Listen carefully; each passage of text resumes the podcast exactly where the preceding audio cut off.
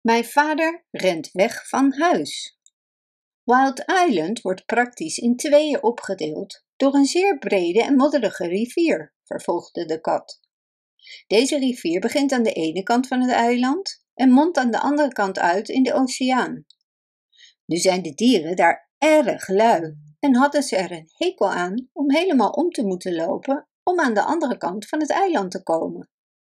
Het maakt visite lastig en postbezorging traag, met name rondom de kerstdagen. De krokodillen in het water hadden de passagiers en post kunnen vervoeren, maar krokodillen kunnen heel humeurig zijn en niet zo betrouwbaar. Ze eten namelijk alles wat los en vast zit, en het maakt ze niets uit dat alle dieren om moeten lopen. Dus dat is precies wat de dieren jarenlang deden. Maar wat heeft dit allemaal met vliegtuigen te maken? vroeg mijn vader. Die vond dat de kat er ontzettend lang over deed om het uit te leggen.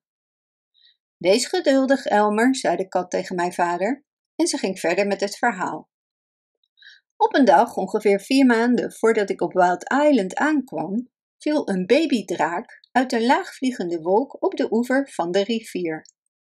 Hij was te jong om goed te vliegen en bovendien had hij zijn vleugel behoorlijk gekneusd, dus hij kon niet terug naar zijn wolk.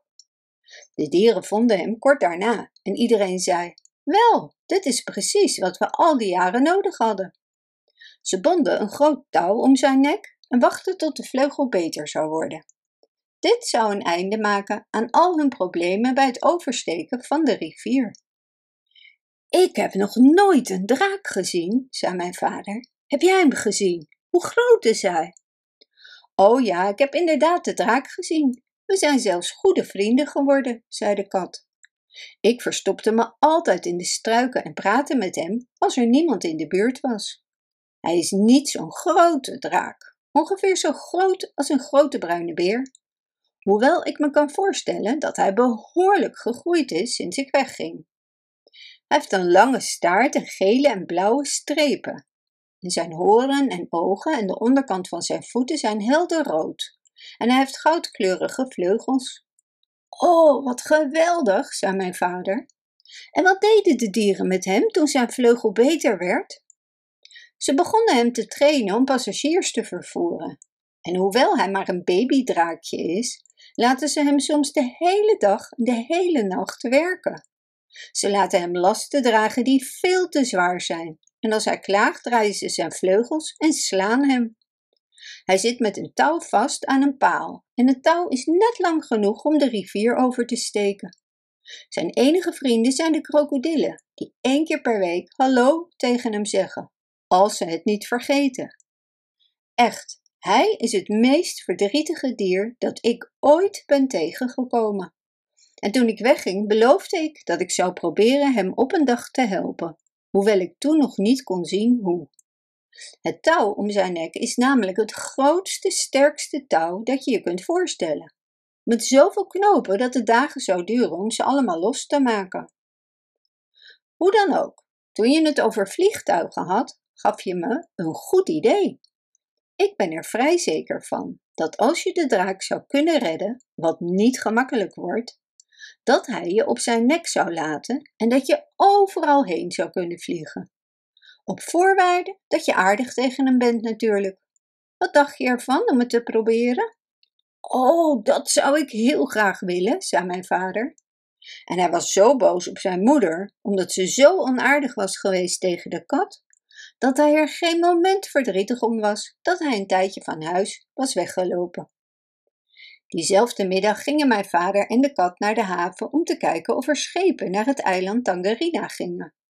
Ze kwamen erachter dat er de volgende week een schip zou varen, dus begonnen ze meteen plannen te maken voor de redding van de draak.